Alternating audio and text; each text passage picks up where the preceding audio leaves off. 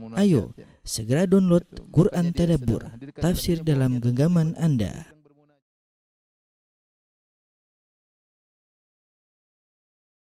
Bismillahirrahmanirrahim. Assalamualaikum warahmatullahi wabarakatuh. Alhamdulillahi ala ihsani wa syukru lahu ala taufiqihi wa amtinani. Asyhadu an la ilaha illallah wahdahu la syarika lahu ta'ziman li sya'ni wa asyhadu anna Muhammadan abduhu wa rasuluhu da'ila ridwani. Allahumma salli alaihi wa ala alihi wa ashabi wa ikhwani. Rekan-rekan sekalian dari pelabuhan yang dirahmati oleh Allah Subhanahu wa taala. Ini adalah pertemuan kita yang terakhir insyaallah tentang syarah Al-Usul Ats-Tsalatsah. Uh, pertemuan yang ketujuh ya. Uh, kita lanjutkan uh, pembahasan tentang uh, Ma'rifatul Rasul tentang mengenal Rasulullah sallallahu alaihi wasallam. Syekh Muhammad bin Abdul Wahab rahimahullah berkata ya akhadha ala hadha asra sinin yad'u ila tauhid wa ba'dal ashri urija bihi ila sama wa furidat alaihi salawatul khams wa shalla fi makkah thalatha sinin wa ba'daha umira bil hijrah ila al madinah Rasulullah SAW 10 tahun berdakwah e, menyeru kepada tauhid. Setelah e, tahun ke-10 berdakwah maka beliau diangkat oleh Allah Subhanahu wa taala Isra Mi'raj yaitu pada tahun 10 kenabian Isra Mi'raj. Kemudian diperintahkan baginya untuk salat lima waktu. Setelah itu beliau salat uh, selama tiga tahun di Mekah ya. Selama tiga tahun di Mekah. Setelah itu beliau diperintahkan untuk berhijrah ke kota Madinah. Jadi beliau uh, berhijrah ke kota Madinah pada setelah 13 tahun berdakwah di Mekah ya. Uh, wal hijrah al-intiqal min baladi syirki ila badalil Islam. Adapun yang dimaksud dengan hijrah adalah berpindahnya seseorang dari negeri yang syirik menuju ke negeri uh, Islam. Wal hijratu faridatun ala hadhihi al-ummah min baladi syirki ila baladil Islam wa hiya baqiyatun ila an taquma sa'ah. Dan hijrah adalah kewajiban bagi umat ini untuk berpindah dari negeri syirik kepada negeri Islam dan kewajibannya berlaku sampai hari kiamat. Wa dalil dalilnya qauluhu ta'ala firman Allah innal ladzina tawaffahumul malaikatu zalimi anfusihim. Sungguhnya orang-orang yang diwafatkan oleh malaikat dalam kondisi menzalimi diri mereka sendiri yaitu bermaksiat. Qalu fima kuntum? Kenapa kalian tidak berhijrah? Qalu kunna mustata'fina fil ardi. Kami uh, dalam kondisi lemah di Mekah. Qalu alam takun ardullahi wasi'atan fatuhajiru fiha. Ya kenapa kalian tidak berhijrah ke bukankah bumi Allah luas? Kalian bisa hijrah ke mana yang kalian kehendaki? Faulaika ma'wahum jahannam. Maka inilah orang-orang yang tempatnya di neraka jahannam. Wa sa'at masira dan uh, sungguh buruk tempat kembali mereka itu neraka. Ilal mustata'fina minar rijal wan nisa wal wildan. Kecuali orang-orang yang lemah dari kalangan lelaki yang memang mereka tidak bisa berhijrah. Para wanita yang ditahan oleh keluarga mereka tidak bisa berhijrah dari Mekah menuju Madinah. Wal wildan dan anak-anak la yastati'una hilatan wa la yahtaduna sabila. Mereka tidak punya kemampuan dan mereka tidak bisa pergi ke kota Madinah. Fa ulaika asallahu ayyafu anhum. Mereka itulah semoga Allah mengampuni mereka. Wa kana Allahu afuwan ghafura dan sungguhnya Allah Subhanahu wa taala Maha uh, pengampun lagi Maha uh, memaafkan. Dalil juga yang menunjukkan hijrah hukumnya wajib. Wa qauluhu ta'ala firman Allah uh, firman Allah Subhanahu wa taala ya ibadil la ya ibadiyalladzina amanu inna ardi wasi'atun fa iyaya fa'budun. Wahai hamba-hambaku yang beriman sungguhnya bumiku luas maka kepadalah kepada akulah kalian beribadah. Qala al-Baghawi rahimahullahu taala berkata Imam al-Baghawi dalam tafsirnya sababun nuzuli hadhihi al-ayah fil muslimin alladzina bi Makkah lam yuhajiru Ya, sebab nuzul turun ayat ini adalah tentang orang-orang Islam yang ada di Mekah dan namun mereka tidak berhijrah. Nadahumullah bismil iman. Allah menyuruh mereka memanggil mereka dengan keimanan yaitu ya ibadiyalladzina amanu wahai hamba-hambaku yang beriman. Wa dalil ala hijr ala hijrah minas sunnah. Adapun dalil tentang wajibnya hijrah dari sunnah Nabi sallallahu alaihi wasallam yaitu qauluhu sallallahu alaihi wasallam sabda Nabi sallallahu alaihi wasallam la tanqati'ul hijratu tidak akan terputus hijrah hatta tangqati at-taubatu sampai terputus taubat. Wala tangqati at-taubatu dan taubat tidak akan terputus hatta tatlu asyamsu min maghribiha sampai uh, matahari terbit dari dari barat ya. Uh, pada pembahasan ini uh, Syekh Muhammad Wahab rahimahullah taala membahas tentang masalah uh, hijrah. Kita secara singkat ya. Pembahasan hijrah tentunya luas tapi uh, secara singkat ya hijrah ada uh, dua model yaitu hijrah dari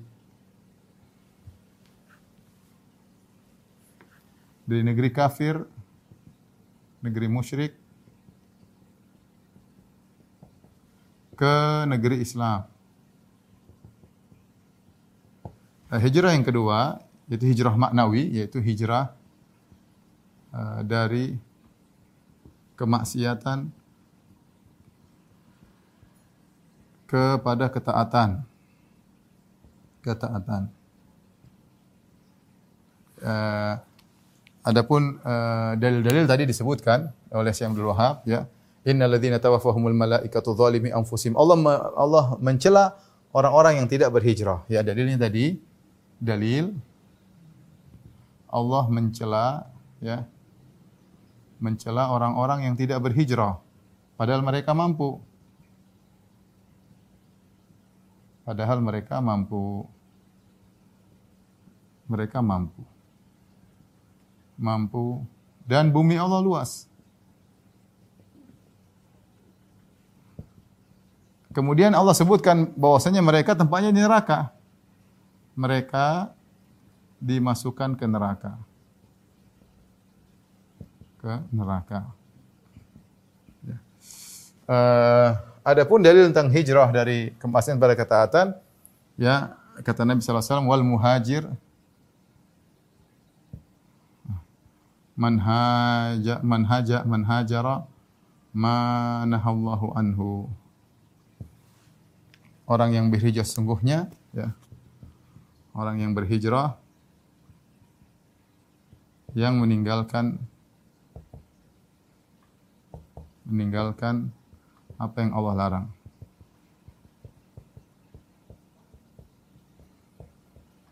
Inilah dua dua hijrah. Kalau ini kalau kita bisa katakanlah hijrah uh, hijrah uh, tempat. Kalau ini adalah hijrah maknawi ya. Hijrah maknawi makna. Hijrah dari negeri musyrik ke negeri musyrik dari negeri musyrik ke negeri Islam. Negeri musyrik itu apa? Negeri yang uh, tidak di tidak tidak ada syiar-syiar Islam secara to, secara menyeluruh. Uh, benar di sebagian negara musyrik bahwasanya uh, sebagian tempat ada mungkin kaum muslimin ngumpul, mereka ada masjid, mereka bisa sholat, tetapi tidak secara menyeluruh. Ya, maka tetap saja dikatakan negeri musyrik. Adapun negeri Islam, yaitu yang syiar Islam, ya, syiar Islam, syiar Islam itu maksudnya apa? Azan, ya, masjid, kemudian uh, sholat Jumat, Jumatan, sholat Id, ya, sholat Id dan lain-lain, ya ada secara menyeluruh, ada secara menyeluruh. Secara menyeluruh di seluruh negeri, menyeluruh di seluruh negeri.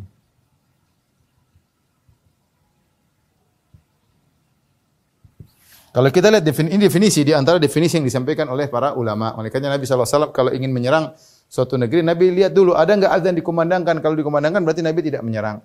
Kalau kita lihat definisi ini, berarti Indonesia adalah negeri negeri Islam ya. Indonesia adalah Indonesia negeri Islam. Ya.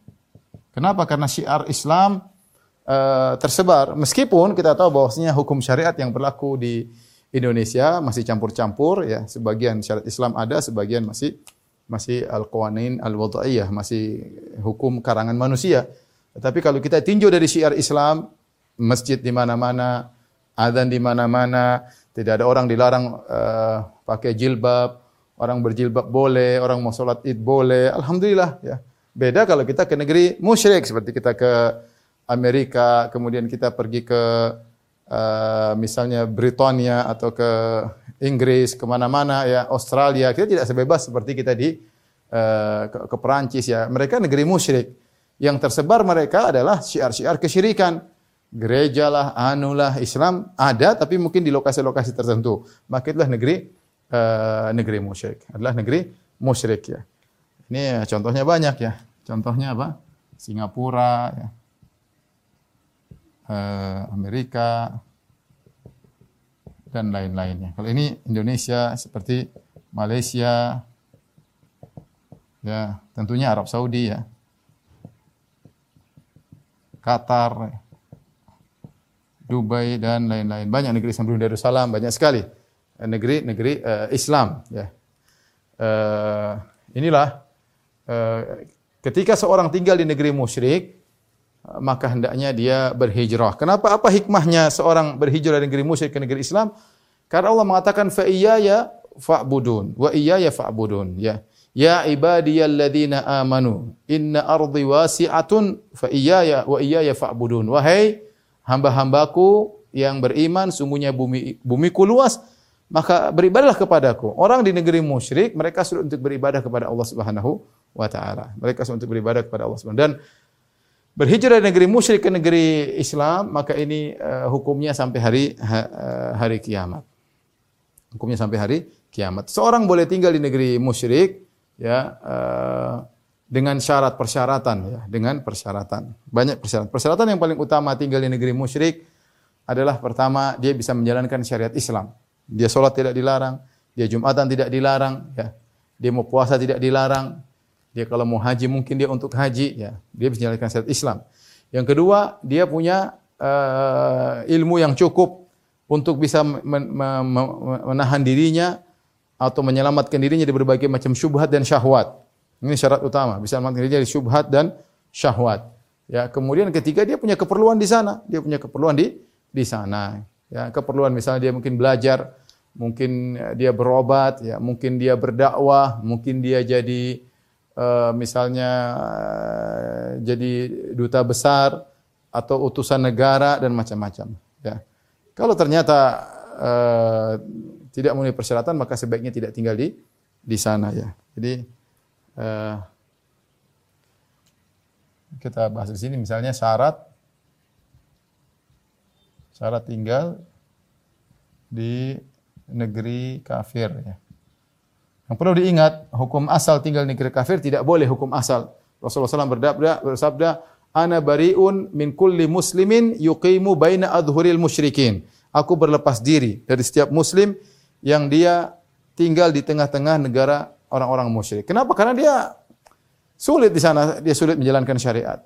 Kemudian kedua, uh, dia lihat kesyirikan di mana-mana. Siapa yang hatinya tenang lihat orang kesyirikan? Siapa hatinya lihat orang berbuka aurat di mana-mana? Ya. Siapa hatinya uh, bisa tenteram? Kemudian kalau dia aman bagaimana anaknya? Anaknya belum tentu aman. Anaknya sekolah di tempat-tempat tersebut yang bergaul dengan orang-orang kafir terkadang pakai jilbab mungkin diejek, dia harus buka jilbab dan yang lainnya. Kasihan anak-anaknya ya.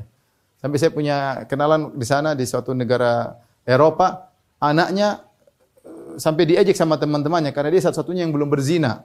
Satu-satunya yang belum berzina diejek sama teman-temannya sampai bapaknya tanya sama saya, "Ustaz, gimana anak saya kasihan?" Ya, inilah di antara mudaratnya tinggal di negeri-negeri musyrikin. Eh, paling enak di Indonesia sudah, paling enak makan apa saja gampang, mau ibadah gampang, mau apa gampang, alhamdulillah. Ya, tinggal kita banyak bersyukur kepada Allah Subhanahu wa taala. Oleh karenanya, tinggal di negara musyrikin ada syarat-syaratnya. Yang pertama, eh, bisa menjalankan syariat.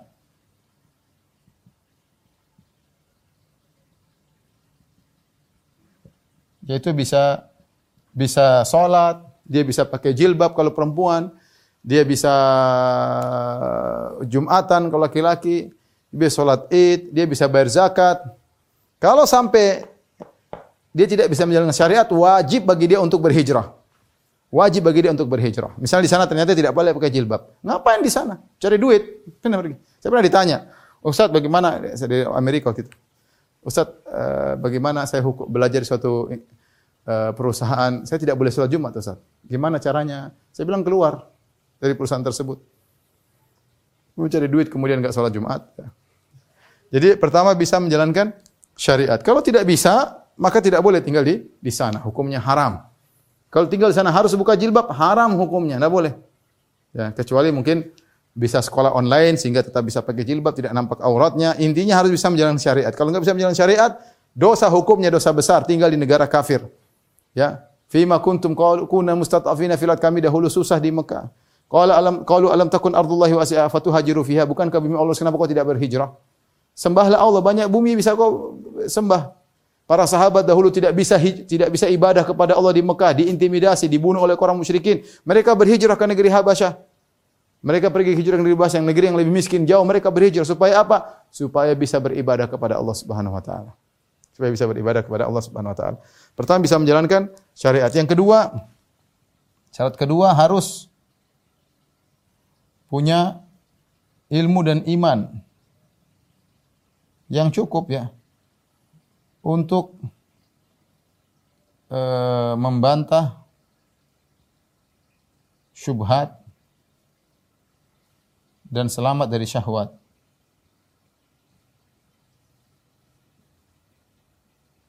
Ya karena kita tinggal di negara kafir, semuanya terbuka. Nah, saya pernah pergi ke negara Eropa, ini benar-benar seperti di kita lihat di berita atau apa benar-benar laki-laki dan perempuan ciuman depan mata saya. Benar-benar saya lihat, oh benar negara kafir seperti ini. Gimana kita perempuan buka-bukaan ya. Alhamdulillah saya pergi di musim musim dingin sehingga mereka banyak pakai apa namanya eh, tutupan. Bagaimana kalau seorang pergi di musim semi, pergi musim panas ya, eh, tinggal di sana ya. Saya pernah jalan sama keluarga, kata dia, eh, Firanda nih, ini pantai ini biasanya banyak ikan asin di sini. Asin maksudnya orang-orang berbikini, berjemuran di situ. Alhamdulillah Ustaz datang musim dingin, jadi nggak ada ikan asin di di pantai.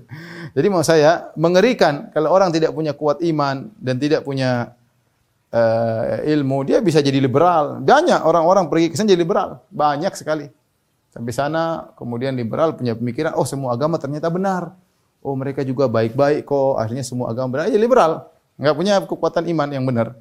Ya, akhirnya mulailah berubah. Tadinya jilbab wajib nggak jadi wajib. Seperti itu akhirnya. Tadinya enggak Natalan malah ikut ngeramaikan Natalan. Macam-macam pemikiran mulai satu-satu diprotoli. Akhirnya semua agama juga masuk surga. Eh, jangan kamu jangan Islam aja. Saya juga punya teman-teman baik-baik dari sekarang itu. Kalau dia enggak punya, dia tadinya bukan berdakwah, dia malah didakwahi. Dan itu terjadi. Jadi tinggal negara kafir punya syarat-syarat. Yang ketiga dia ada keperluan syaratnya. Ada kemaslahatan. Ini tiga syarat. Satu, dua, tiga. Kemaslahatannya ya macam-macam. Ya mungkin dia untuk berobat, oke. Okay. Dia untuk uh, berdakwah, oke. Okay. Ya, Nabi mengirim para sahabat ke negeri kafir untuk berdakwah. Dia untuk misalnya belajar ilmu tertentu, ya atau dia karena urusan kenegaraan dan yang lainnya. Yang penting ada kemaslahatan. Yang penting ada dia adalah orang diplomat. Yang penting ada kemaslahatan. Ya kalau dicari nafkah darurat misalnya itu saya nggak tahu ya. Tapi intinya dia harus bisa menjaga menjaga diri ada kemaslahatan. Karena saya katakan saya ketemu dengan sebagian kawan-kawan orang tuanya oke okay, bisa jalankan agama, anak-anaknya kacau di sana ya. Yang tidak puasa biasa, tidak pakai jilbab, yang aduh jangan tanya deh.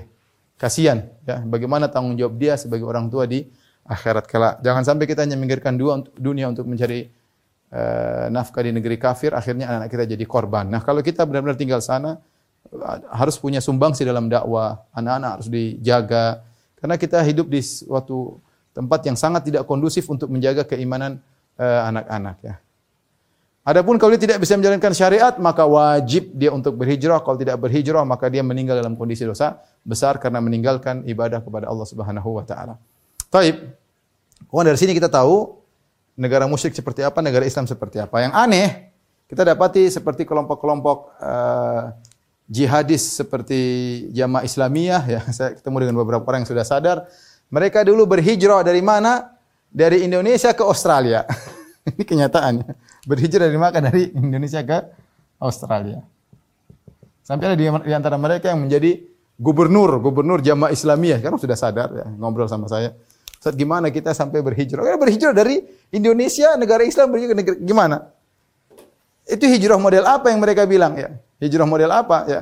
Hijrah itu dari negara kafir ke negara Islam, bukan dari negara Islam kabur ke negara kafir dan banyak seperti itu ya. Dari Saudi hijrah ke Kanada dan ini terjadi. Saya dulu punya kenalan, saya sebegitulah. Enggak uh, kurang suka dengan Islam, kemudian merasa tidak bebas di Saudi zaman-zaman dulu. Akhirnya dia milih untuk pergi ke Kanada, dia merasa nyaman di sana dan yang lainnya. Jadi ikhwan dan akhwat yang dirahmati Subhanahu wa taala, uh, inilah berkaitan dengan hijrah tempat. Ini berlaku sampai hari uh, hari kiamat. Jika Anda tidak bisa beribadah kepada Allah suatu tempat, maka silakan Anda ber eh, berhijrah sebagian saudara-saudara kita mereka berhijrah misalnya dari Rohingya. Mereka berhijrah ke Saudi misalnya. Ada yang berhijrah dari India mungkin mau ditangkap berhijrah ke negara Islam misalnya ya. Dan uh, seperti misalnya Dr. Zakir Naik yang harus meninggalkan India pergi ke Malaysia misalnya. Ya kondisi tidak tidak tidak apa ya di mana-mana Islam e, begitu ya artinya kalau kita minoritas biasanya kita diintimidasi sementara kalau non muslim orang kafir minoritas di Islam biasanya tidak jadi masalah ya orang Islam sangat baik dan sangat adil ya Baik berikutnya hijrah maknawi yang sering kita bilang ini sudah hijrah. Akhirnya hijrah dari maksiat meninggalkan maksiat menuju ke e, ketaatan ya. Ya contohnya seperti apa? Contoh. Apa? Hijrah dari riba atau dari musik. Dari apa lagi? E, dari misalnya dari e, apa kayak eh, maksiat lah, dugem lah, apalah, terserah lah. Ya, banyak hijrah, ini namanya hijrah juga ya. Berhijrah dari maksiat menuju ketaatan, maka dia harus berusaha untuk senantiasa bersabar dalam menjalankan ketaatan kepada Allah Subhanahu wa taala. Ini kira-kira makna sederhana tentang uh, hijrah. Baik, kita lanjutkan. Dan hijrah ini berlaku terus sampai hari uh, kiamat. Selanjutnya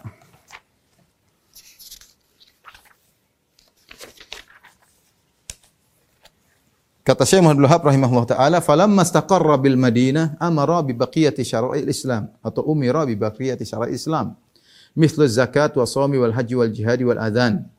wal amri bil ma'ruf wa nahyi munkar wa ghairi dzalik min syar'i Islam. Ketika Rasulullah SAW sudah menetap di kota Madinah, maka Nabi diperintahkan oleh Allah Subhanahu wa taala dengan syariat-syariat Islam yang lain. Sebelumnya cuma sholat doang, tapi ketika sudah menetap di Madinah muncullah syariat yang lain seperti zakat. Zakat sudah di ada khilaf, ada yang mengatakan diwajibkan sejak di Mekah, tetapi secara perincian nisab, haul itu baru turun ketika di Madinah, ya. Jadi eh, syariat-syariat yang rukun Islam yang lain seperti zakat, puasa dan haji maka itu eh, baru disyariatkan ketika di uh, kota Madinah. Kemudian puasa, kemudian haji, apalagi kemudian jihad, azan, ya. Semuanya di Madinah, ya. Kemudian amr bil ma'ruf, beramar ma'ruf, nahyu anil munkar, bernahi munkar. Wa ghairi dzalika min syara' Islam dan syariat Islam yang yang lainnya, ya. Akhadha ala hadha asyra sinin wa ba'daha tufiya salawatullahi wa salamahu salamahu alaihi wa salamuhu alaihi. Setelah Nabi berdakwah di, di Madinah selama 10 tahun. Kemudian Nabi meninggal dunia. Nabi meninggal pada tahun 11, 11 Hijriah. Meninggal pada tahun 11 Hijriah. Ya. Uh, yaitu pada tanggal 12 Rabiul Awal tahun 11 Hijriah. Ya. Kalau Nabi hari lahirnya diperselisihkan oleh para ulama, tapi kalau hari kematiannya rata-rata para ulama mengatakan tanggal 12 Rabiul Awal karena Ketika Nabi lahir tidak ada yang begitu mengenal dan tidak ada sesuatu di balik itu. Ketika Rasulullah wafat semua orang tahu dia seorang Nabi sallallahu alaihi wasallam maka wafatnya pada tahu yaitu meninggalnya tanggal hari Senin tanggal 12 eh, Rabiul Awal uh, tahun 11 Hijriyah setelah Rasulullah SAW pulang dari Hajatul Wada. Dan uh, kita lanjutkan Wadinuhu baqin. Setelah Nabi meninggal maka agamanya masih terus berlanjut. Wa hadza dinuhu. Dan inilah agamanya. Ya, agama yang kita ajarkan ini, yang kita bacakan. La khaira illa dalal ummatu alaihi.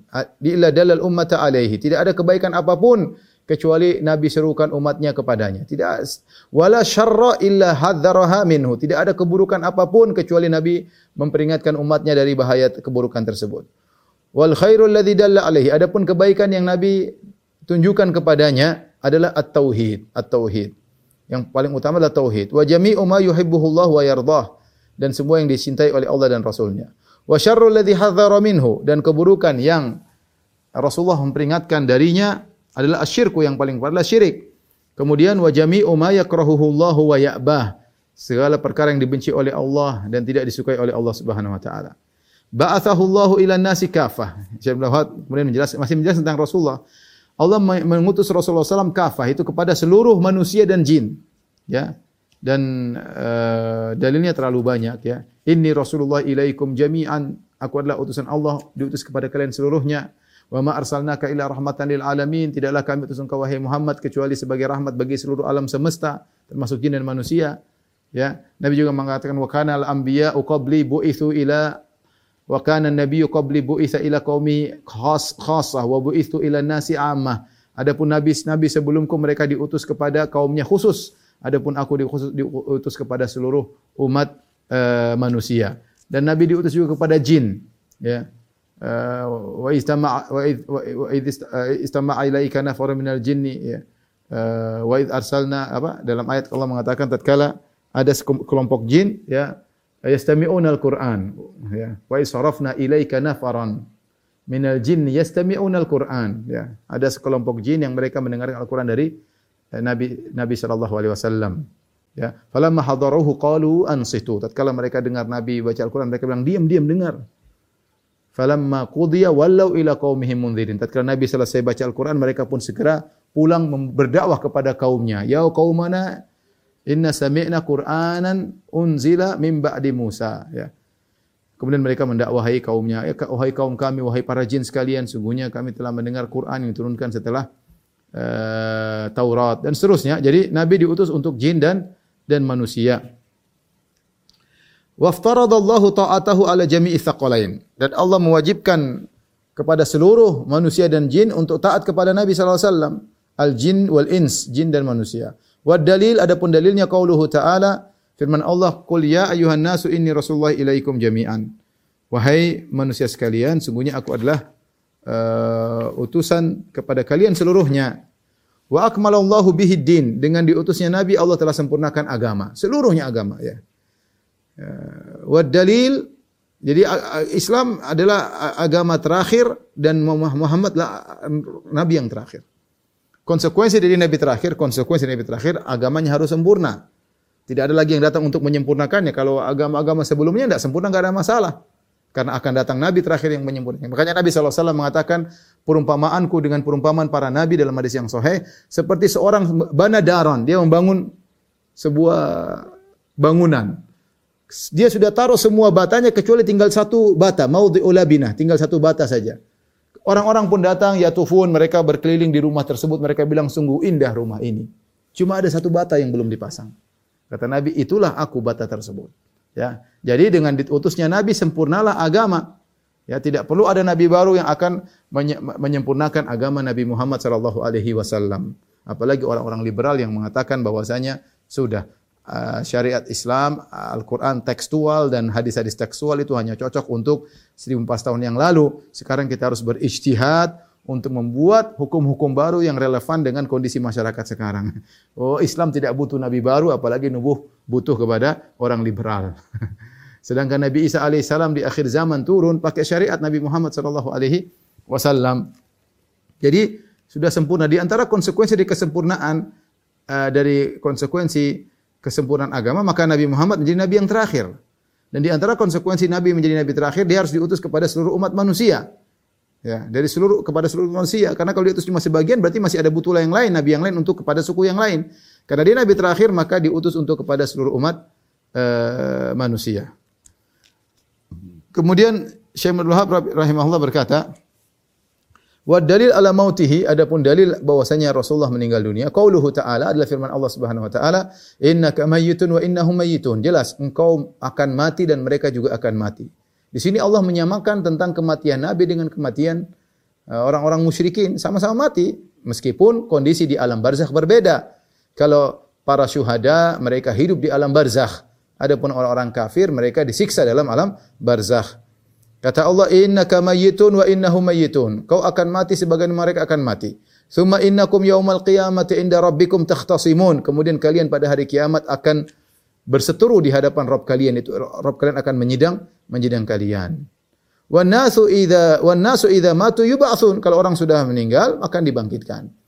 Jadi kita harus tahu bahwasanya Nabi SAW meninggal. Ya, Nabi SAW uh, eh, meninggal sebagaimana uh, nabi-nabi yang sebelumnya. Makanya kata Allah Subhanahu wa taala, uh, "Wa ma wa ma Muhammadun illa rasulun qad khalat min qablihi rusul. Afa immata aw qutilan qalabatum ala aqabikum." Tidaklah Muhammad kecuali seorang rasul dari telah berlalu sebelumnya rasul-rasul yang lain. Apakah jika dia mati kalian akan menjadi murtad kembali? Jadi ketika Rasulullah SAW meninggal dunia, ya, Umar bin Khattab tidak terima. Umar bin Khattab tidak berita. Dia mengatakan Umar bin Khattab hanya mengatakan dia hanya pergi sebagaimana Musa akan kembali. Ya. Siapa yang bilang Muhammad mati lawan saya ya. Semua orang takut, tidak ada yang berani berbicara dengan Umar karena Umar begitu hebat ya. Sampai datang Abu Bakar radhiyallahu anhu, Abu Bakar pergi ke waktu Abu Bakar lagi agak jauh. Dia pergi ke Nabi, dia cium kening Nabi sallallahu alaihi wasallam, kemudian dia datang ke tempat orang-orang lagi kumpul, lagi kumpul. Maka Abu Bakar kemudian berbicara. Semua orang perhatian sama Abu Bakar. Kata Abu Bakar radhiyallahu anhu, ya, man, uh, man kana ya'budu Muhammadan fa inna Muhammadan qad mat. Barang siapa yang menyembah Muhammad, Muhammad sudah mati. Wa man kana ya'budullah. Barang siapa yang menyembah Allah, fa inna Allah hayyun la yamut. Allah Maha hidup dan tidak akan mati. Kemudian dia bacakan firman Allah, innaka mayyitun wa innahum mayyitun. Allah telah berfirman, sungguhnya kau akan mati sebagaimana mereka akan mati. Allah juga berfirman, wa Muhammadun illa rasulun qad khalat min qablihi rusul. Afa imata au qutilan qalabatum ala aqabikum. Bahwasanya Muhammad hanyalah seorang rasul setelah berlalu rasul sebelumnya. Sebagaimana rasul-rasul sebelumnya pada meninggal, dia juga akan meninggal. Saya para sahabat mengulang-ulangi ayat itu. Mereka baru sadar sampai Umar berkata seakan-akan saya baru mendengar ayat ini. Padahal mereka sudah hafal ayat itu. Mereka sudah hafal ayat itu, tapi ketika dalam kondisi mereka lupa.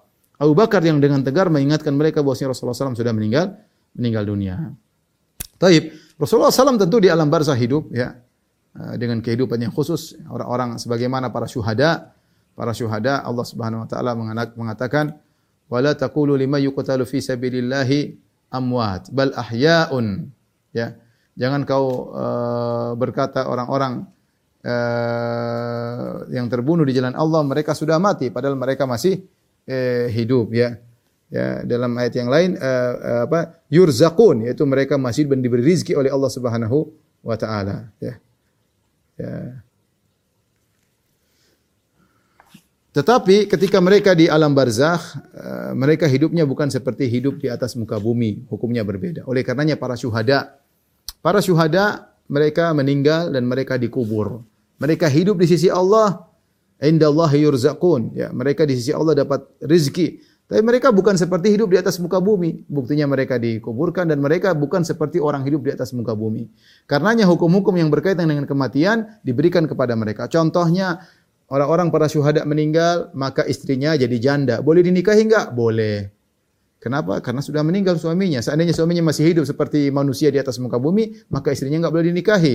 Kemudian juga di antaranya hartanya diwariskan. Kalau dia masih hidup seperti atas muka bumi, maka tidak boleh hartanya di, diwariskan. Ya, dia hidup tapi dalam alam alam barzah, alam tersendiri. Maka tidak boleh kita menganalogikan, ah dia hidup sama seperti kita. Kalau kita boleh kita minta tolong, kalau begitu boleh kita minta doa, macam-macam. Ini enggak boleh. Enggak boleh karena alamnya tersendiri. Dan itu yang dipahami oleh para sahabat. Ya. Bosnya Nabi SAW sudah meninggal. Seandainya Nabi masih bisa jalan-jalan seperti yang lainnya, dianggap seperti hidup di muka bumi, maka para sahabat enggak perlu nangis. Para sahabat kenapa sedih? Kenapa mereka nangis? Ya, karena mereka tahu Nabi sudah selesai. Dia di alam lain bukan seperti alam kita. Ya. ya. Kalau Nabi ternyata masih jalan-jalan seperti dipersangkakan sebagian orang, hadir di acara ini, hadir di acara itu. Ya para sahabat tinggal konsultasi sama Nabi kalau ada masalah. Sementara mereka menghadapi berbanyak permasalahan besar, bahkan permasalahan e, perang saudara di antara mereka. Tidak seorang pun datang ke kuburan Nabi, ya Rasulullah kita ada masalah Eh, solusinya bagaimana enggak ada karena mereka paham Rasulullah SAW hidup tapi dalam alam barzakh bukan alam dunia. Uh, kemudian kata Syekh Abdul Wahab rahimahullah taala, "Wan nasu idza matu yub'atsun." Dan orang-orang setelah meninggal dunia akan dibangkitkan. Selesai uh, disebutkan tentang uh, Nabi sallallahu alaihi wasallam. Setelah manusia meninggal akan dibangkitkan. Wa dalil qauluhu ta'ala, dalil firman Allah, "Minha khalaqnakum wa fiha nu'idukum." Dari dunialah kami menciptakan kalian wa fiha nu'idukum dan di dunialah kami akan kembali kalian kembalikan kalian itu dikuburkan wa minha nukhrijukum taratan ukhra. Dan dari bumilah kami akan mengeluarkan kalian untuk kedua kali. Ya yaitu di hari kiamat hari kebangkitan. Wa qauluhu ta'ala di antara dalil bahwasanya adanya hari kebangkitan. Wallahu ambatakum minal ardi nabata. Allah telah menumbuhkan kalian dari bumi ya. Thumma yu'idukum fiha wa yukhrijukum ikhraja. Kemudian Allah kembalikan kalian ke bumi itu dikubur wa yukhrijukum ikhraja. Dan Allah akan keluarkan kalian itu dengan dibangkitkan. Kemudian kata beliau wa ba'dal ba'thi muhasabun. Setelah hari dibangkitkan mereka akan dihisab. majziyuna bi a'malihim mereka akan dibalas sesuai dengan amalan mereka.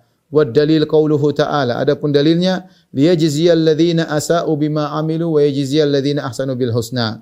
Allah bangkitkan mereka agar Allah membalas orang-orang yang beramal saleh sesuai dengan amalan mereka dan Allah akan membalas orang-orang yang beramal buruk sesuai dengan amalan amalan mereka. Ya, kemudian beliau berkata, "Wa man kadzdzaba bil ba'tsi kafara." Barang siapa yang mengingkari hari kebangkitan maka dia telah kafir. Wa dalil qaul apa dalilnya orang yang mengingkari hari kebangkitan kafir? Za'amal ladzina kafaru alla yub'atsu.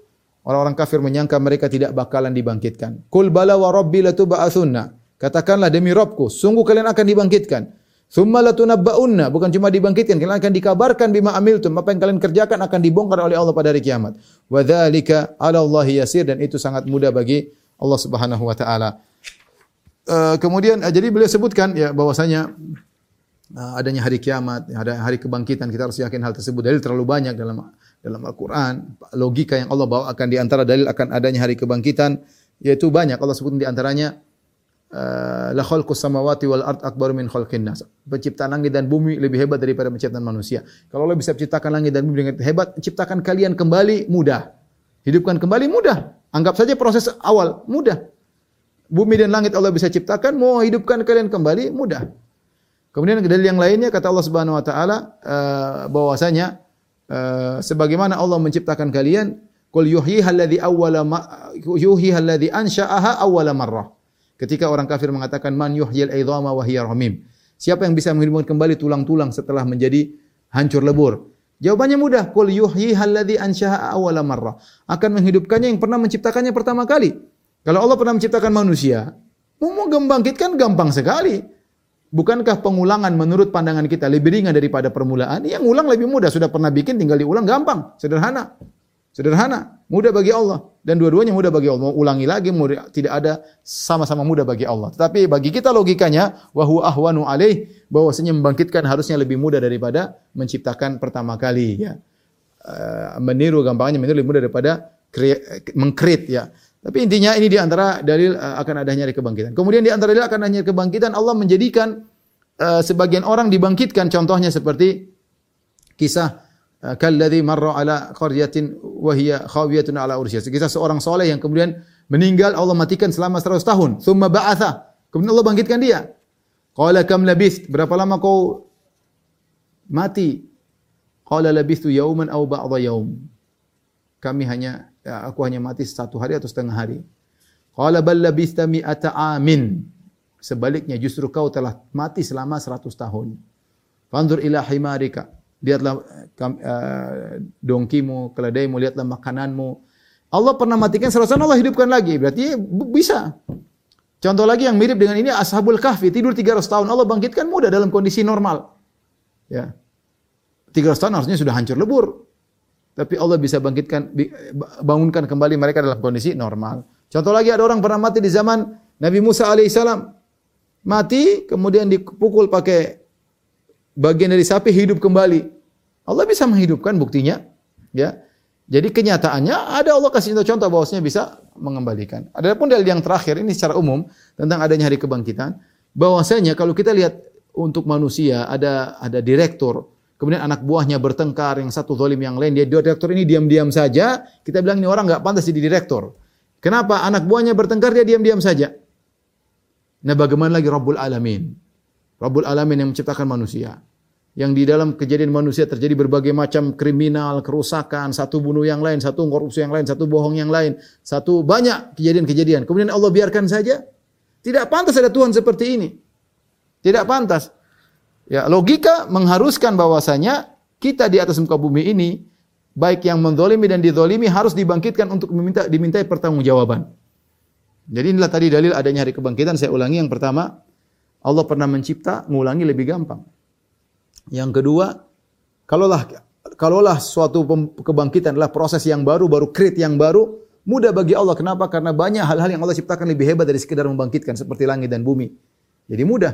Yang ketiga, Allah pernah mencontohkan orang-orang yang Allah matikan kemudian Allah hidupkan lagi. Pernah terjadi di zaman-zaman dulu. Ya. Kemudian yang keempat, konsekuensi logika menunjukkan bahwasanya kita harus dibangkitkan untuk dimintai pertanggungjawaban. Dan itulah konsekuensi dari Tuhan yang benar. Kalau dia tidak bangkitkan kita, tidak beri pertanggungjawaban, tidak meminta pertanggungjawaban, Tuhan enggak beres. Jadi konsekuensi logika, logis bahwasanya memang kita harus dibangkitkan. Makanya orang menolak adanya hari kebangkitan orang kafir. Za'amal kafaru, sungguhnya orang kafir menyangka Allah yub'atsu, bahwasanya mereka tidak akan dibangkitkan. Maka orang yang mengingkari hari kebangkitan adalah orang yang dikafirkan uh, orang yang kafir.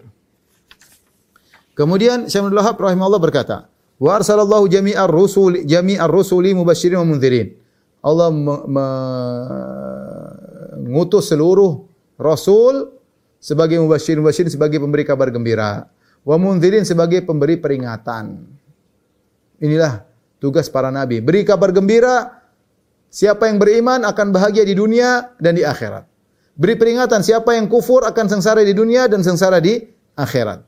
Wa dalil adapun dalilnya qauluhu ta'ala. Dalilnya adalah firman Allah Subhanahu wa taala, rusulan mubasyirin wa mundzirin.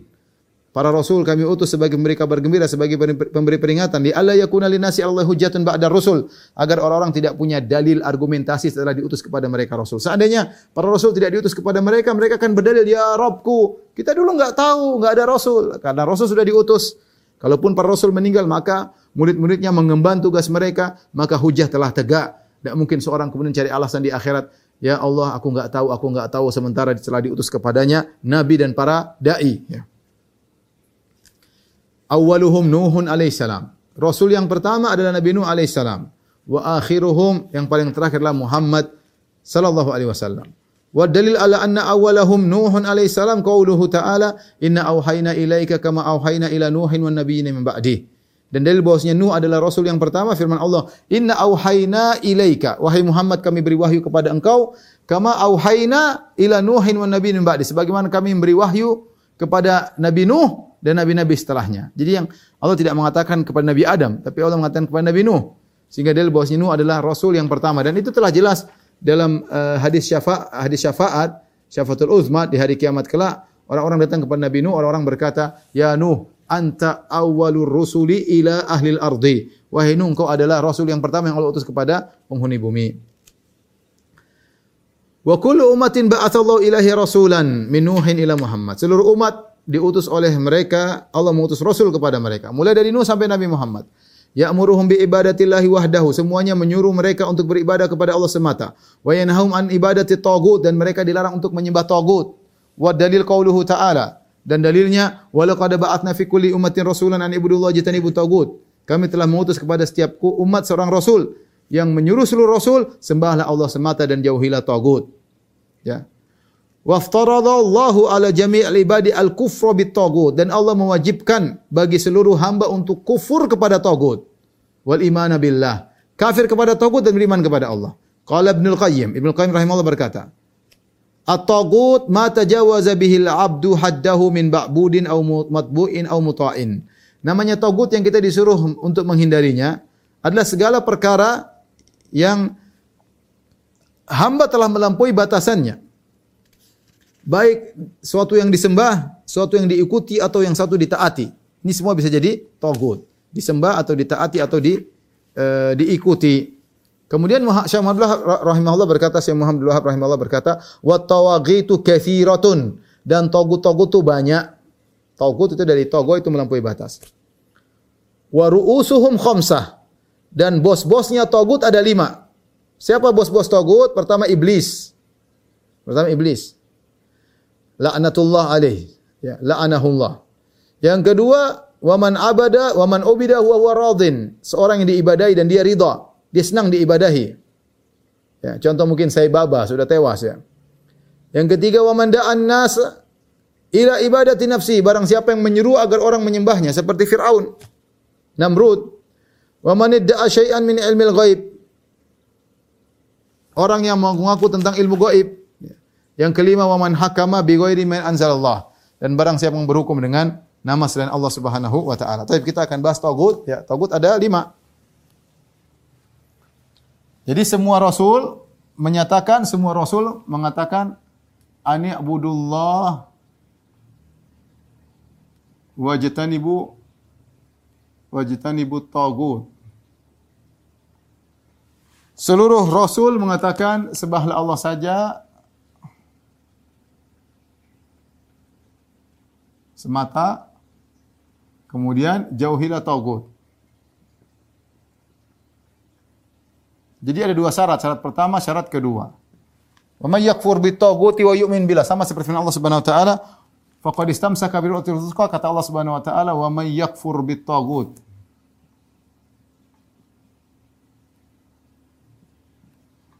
Wa yu'min billah. Faqad istamsaka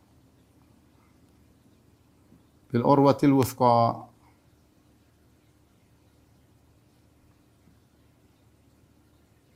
Lam fisama laha. Lam fisama laha. Barang siapa yang kufur kepada tagut dan beriman kepada Allah. Kufur kepada tagut. Beriman kepada Allah. Jadi, tauhid itu bukan cuma hanya beriman kepada Allah, tapi harus kufur kepada kesyirikan.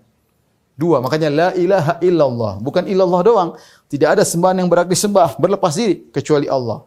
Itu namanya tauhid membuang kesyirikan, memper, memperkokoh keimanan. Sama, harus kufur, kufur kepada togut, beriman kepada bukan cuma beriman kepada Allah. Ini beriman kepada Allah tapi oh enggak apa-apa lah orang menyembah itu terserah masing-masing enggak apa-apa mungkin mereka baik juga ya udah kita pakai kacamata kita mereka pakai melihat pakai kacamata mereka enggak benar. Kita harus kufur kepada togut. Kita harus menjelaskan kesyirikan, kita harus mengatakan tidak terima kesyirikan. Yang kita bilang semuanya benar. Ya, itu tidak benar, itu adalah kesalahan ya. Togut ada lima, kata togut banyak bos-bos togut. Yang pertama iblis. Yang kedua yang disembah selain Allah. Dan dia ridha. Kemudian yang ketiga uh, yang menyeru kepada menyembah dirinya. Menyeru untuk menyembah dirinya.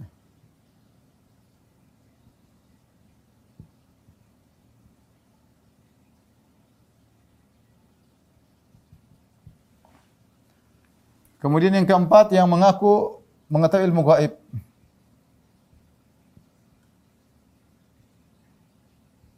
Para dukun. Yang kelima uh, baru yang berhukum dengan selain Allah.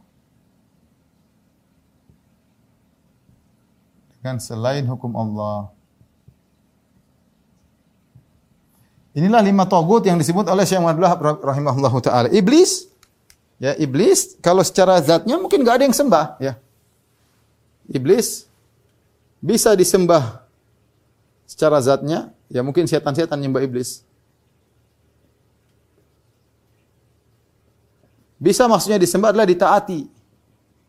Ditaati perintahnya. Itu iblis. Sekarang dia bisik-bisik nyuruh ini nyuruh anu. Kalau dia menunjukkan saya iblis nggak ada yang mau taat. Tapi kan dia menggoda dengan bisik-bisik. Yang disembah selain Allah dan dia ridha. Berarti kalau kalau tidak ridha bukan tagut. Bukan tagut. Contoh yang tidak ridha, contohnya siapa? Para nabi. Nabi Isa disembah dia tidak ridha. Ya. Uh, kemudian Malaikat disembah mereka tidak ridha, orang-orang soleh dirembah mereka tidak ridha. Kalau yang ridha disembah, ya, maka dia togut. Ya. Orang-orang memuji dia berlebihan seakan-akan dia punya kemampuan rububiyah, oh, dia senang ya. Maka dia togut. Yang menyuruh untuk menyembah dirinya contohnya adalah Fir'aun. Dan mungkin Namrud juga ya. Yang mengaku muta ilmu gaib adalah para dukun. Yang menghukum dengan selain Allah itu para orang-orang yang menyeru yang menghukum kepada selain hukum Allah Subhanahu wa taala. Dan menghukum kepada hukum selain Allah, hukum asal adalah syirik kecil namun kalau dia meyakini bahwasanya hukum yang dia buat sebanding dengan hukum Allah, maka dia syirik besar. Atau dia merasa hukum saya lebih baik daripada hukum Allah, hukum kami lebih relevan daripada Quran, kafir kepada Allah Subhanahu wa taala.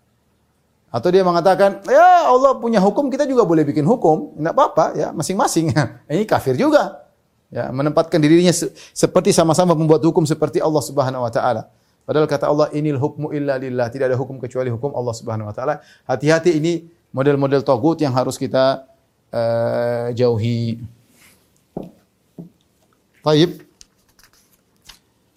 Uh, wa dalil qauluhu ta'ala la ikraha fid din qad tabayyana rusdu minal ghai faman yakfur bit taghuti wa min billahi faqad istamsaka urwatil wuthqa.